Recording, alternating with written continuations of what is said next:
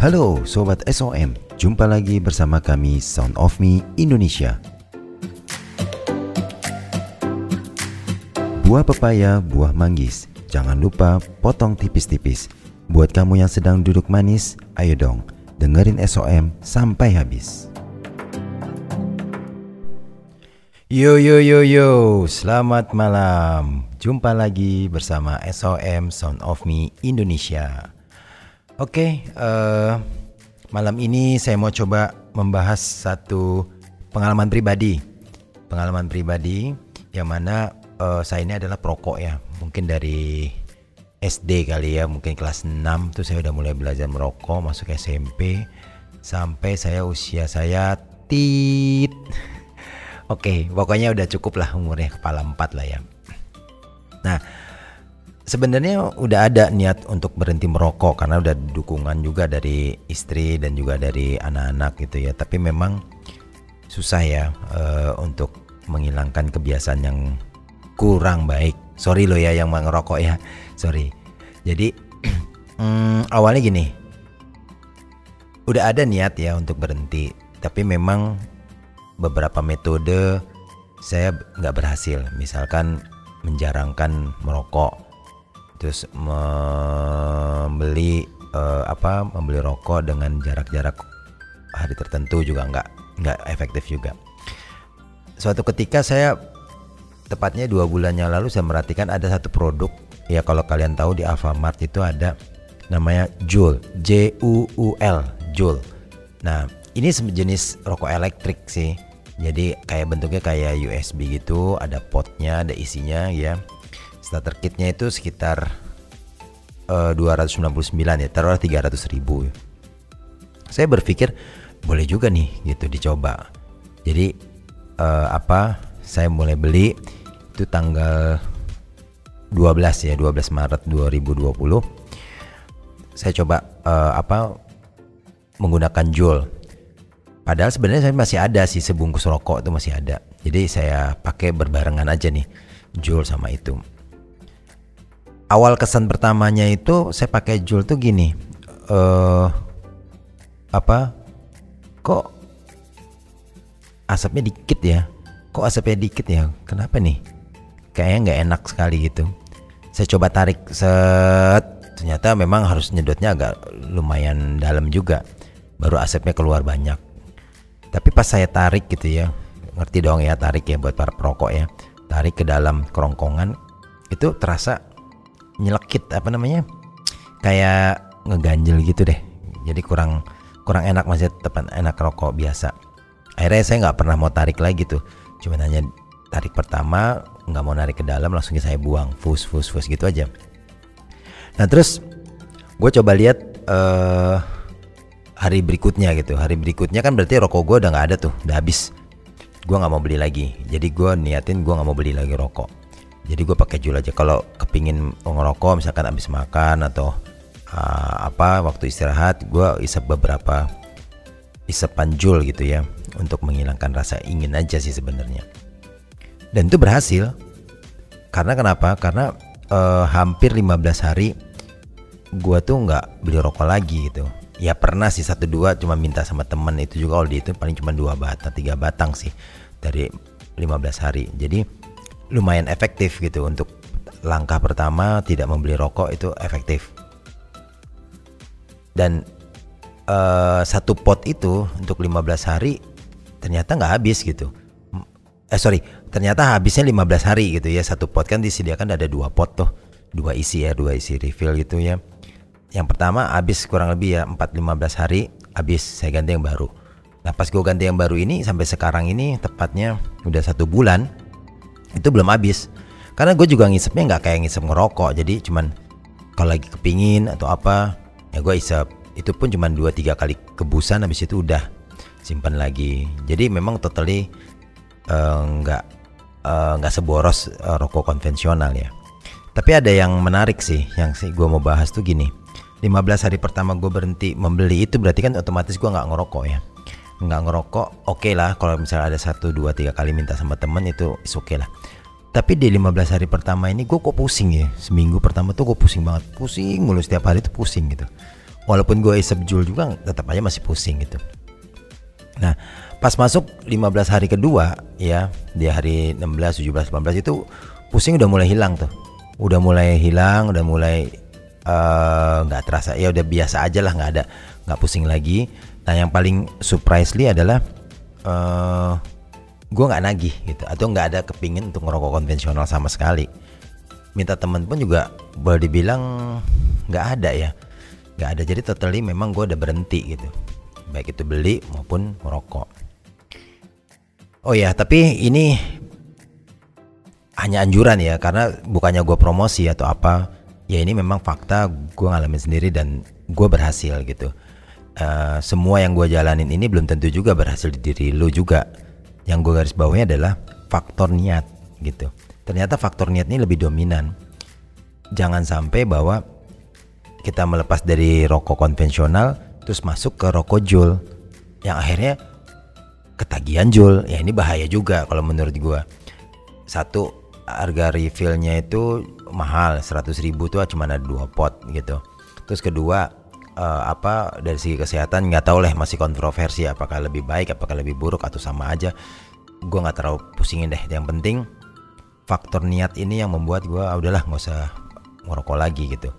Jul pun cuma hanya kalau lagi kepingin kepingin aja atau mau gaya-gayaan aja selebihnya sih gue nggak biasa aja. Nggak ada rasa ketagihan atau nagih untuk merokok lagi nggak ada gitu. Karena gue udah lewat dari satu bulan pertama gitu. Mudah-mudahan di bulan-bulan berikutnya gue nggak ngerokok Oke okay guys, jadi mungkin begitu aja uh, pengalaman gue.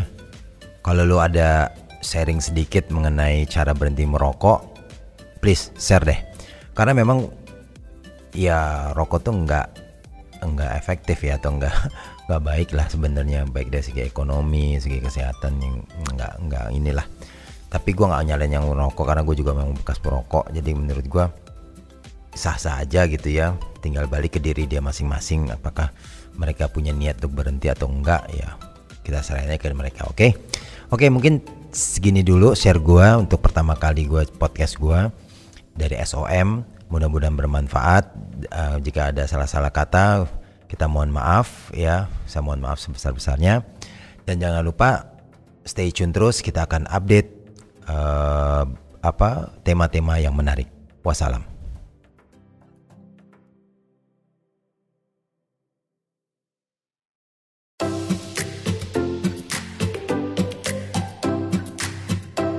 Halo Sobat SOM, jumpa lagi bersama kami Sound of Me Indonesia. Buah pepaya, buah manggis, jangan lupa potong tipis-tipis. Buat kamu yang sedang duduk manis, ayo dong, dengerin SOM sampai habis. Yo yo yo, jumpa lagi bersama SOM Sound of Me Indonesia. Ingat, sekarang kamu ada di saluran asal usil Asal usil kali ini saya coba angkat uh, video yang lagi viral di daerah Sumatera Utara di mana ada seorang anggota DPRD Sumatera Utara bernama Edi Saputra yang dia berselisih paham dengan uh, anggota kepolisian yang akan mengkuburkan uh, satu korban corona ya satu korban virus corona yang mana menjadi uh, apa ajang perdebatan di antara mereka. Mereka dari sisi polisi mungkin dia pingin dia ada protapnya ya. Jadi ada protapnya gimana cara menguburkan korban dari virus corona. Sedangkan uh, anggota DPRD ini merasa bahwa uh, dia juga punya hak untuk melihat korbannya dulu gitu. Jangan langsung dikubur begitu aja gitu. Ya paling tidak disemayamkan lah gitu. Oke, sebelum kita uh, mengkomentari, kita dengarkan dulu cuplikan berikut ini. Ini satu harga satu.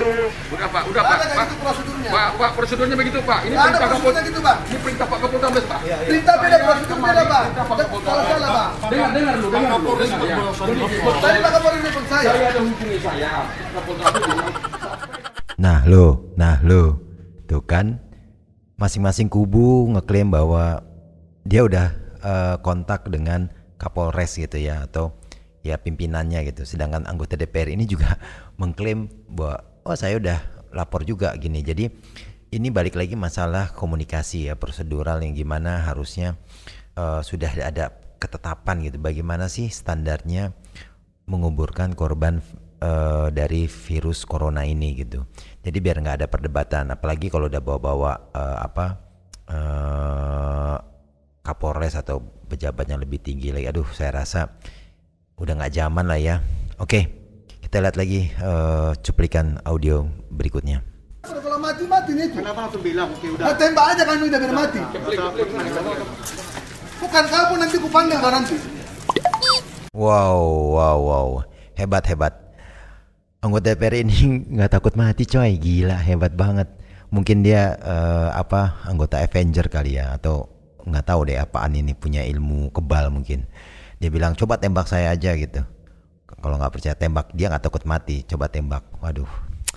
Guys bener-bener nggak habis pikir ya. Warga plus 62 nih memang canggih-canggih ternyata.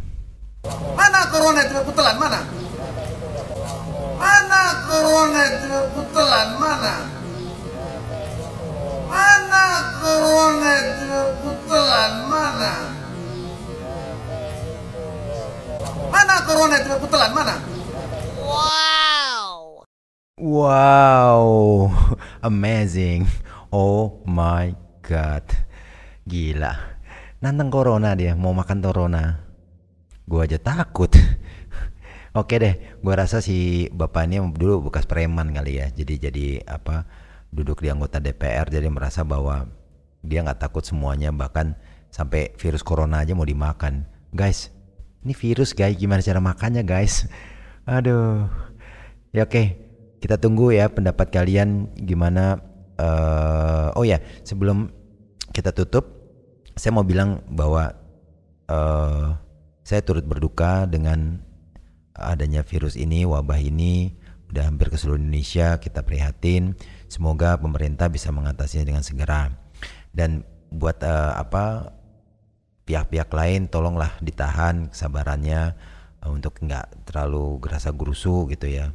Supaya kita lebih kondusif lagi. Kalau udah kayak begini saling gontok-gontokan apa kabar nanti Indonesia gitu. Oke silakan listener coba kamu uh, kirim komentar ya. Gimana pendapat kamu tentang anggota DPR ini? Enaknya diapain nih? Apakah lanjut dua periode atau cukup satu periode aja? Ada di tangan kalian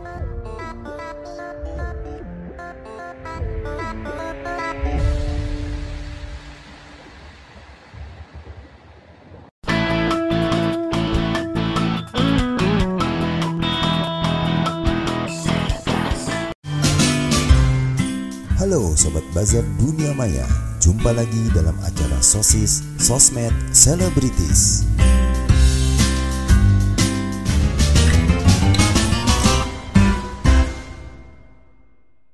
Pada Sosis episode 1 ini Selebas akan mengangkat seorang DJ bernama Dinar Candy. Check it out. Faktanya, dia adalah mantan anak pesantren dan bapaknya adalah guru ngaji bernama Acep Ginaya Sobari. Brojol dengan nama lengkap Dinar Miswari pada hari Kartini 21 April 1993 di Jawa Barat. Dinar Candy meniti karir berawal dari musik dangdut. Sempat bergabung dengan manajemen yang dipimpin si Abang Tamfan, Andika X Kangen Band berduet maut bersama Pamela Savitri. Duet ini bernama The Bubble.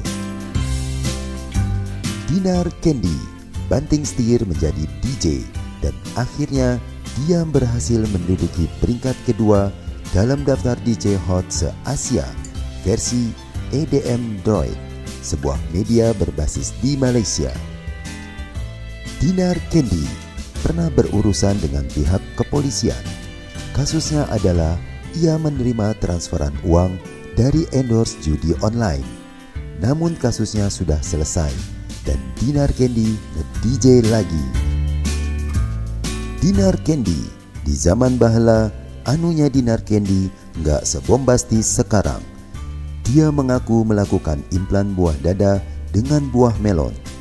Ups salah, maksudnya adalah operasi plastik hingga 70 juta rupiah. Dulu dia memakai nomor 34, sekarang implan naik jadi 36.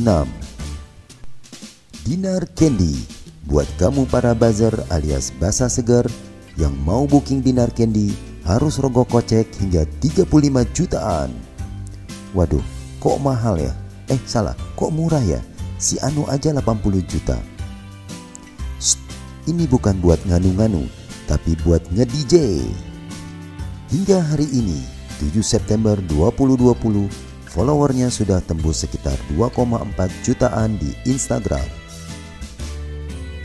Baiklah, sekian dulu. Nanti kita ketemu lagi di segmen sosis bersama artis lainnya. Buat para buzzer alias basa segar, silakan tulis di kolom komentar artis atau selebgram siapa yang mau dibuat sosis. Jangan lupa kalau buzzer nggak keberatan, like dan subscribe dulu sebelum kuotanya habis. Oke, 3, 2, 1, close the door.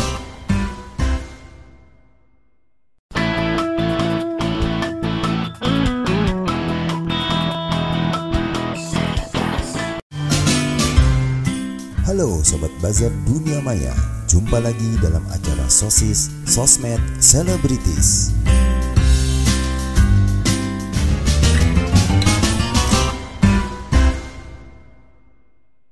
Pada sosis episode 1 ini, Selebas akan mengangkat seorang DJ bernama Dinar Candy. Check it out. Faktanya, dia adalah mantan anak pesantren dan bapaknya adalah guru ngaji bernama Acep Ginaya Sobari. Brojol dengan nama lengkap Dinar Miswari pada hari Kartini 21 April 1993 di Jawa Barat. Dinar Candy meniti karir berawal dari musik dangdut. Sempat bergabung dengan manajemen yang dipimpin si Abang Tamfan, Andika X Kangen Band, dan berduet maut bersama Pamela Savitri. Duet ini bernama The Bubble. Dinar Candy banting setir menjadi DJ dan akhirnya dia berhasil menduduki peringkat kedua dalam daftar DJ Hot se-Asia versi EDM Droid, sebuah media berbasis di Malaysia. Dinar Candy pernah berurusan dengan pihak kepolisian. Kasusnya adalah ia menerima transferan uang dari endorse judi online. Namun kasusnya sudah selesai dan Dinar Candy nge-DJ lagi. Dinar Candy di zaman bahala anunya Dinar Candy nggak sebombastis sekarang. Dia mengaku melakukan implan buah dada dengan buah melon. Ups salah, maksudnya adalah operasi plastik hingga 70 juta rupiah. Dulu dia memakai nomor 34, sekarang implan naik jadi 36. Dinar Candy buat kamu para buzzer alias basa segar yang mau booking Dinar Candy harus rogoh kocek hingga 35 jutaan. Waduh, kok mahal ya? Eh salah, kok murah ya? Si Anu aja 80 juta. Shh, ini bukan buat nganu-nganu, tapi buat nge-DJ. Hingga hari ini, 7 September 2020, followernya sudah tembus sekitar 2,4 jutaan di Instagram. Baiklah, sekian dulu. Nanti kita ketemu lagi di segmen sosis bersama artis lainnya. Buat para buzzer alias basa segar, silakan tulis di kolom komentar artis atau selebgram siapa yang mau dibuat sosis. Jangan lupa, kalau buzzer nggak keberatan, like dan subscribe dulu sebelum kuotanya habis. Oke, 3, 2, 1, close the door.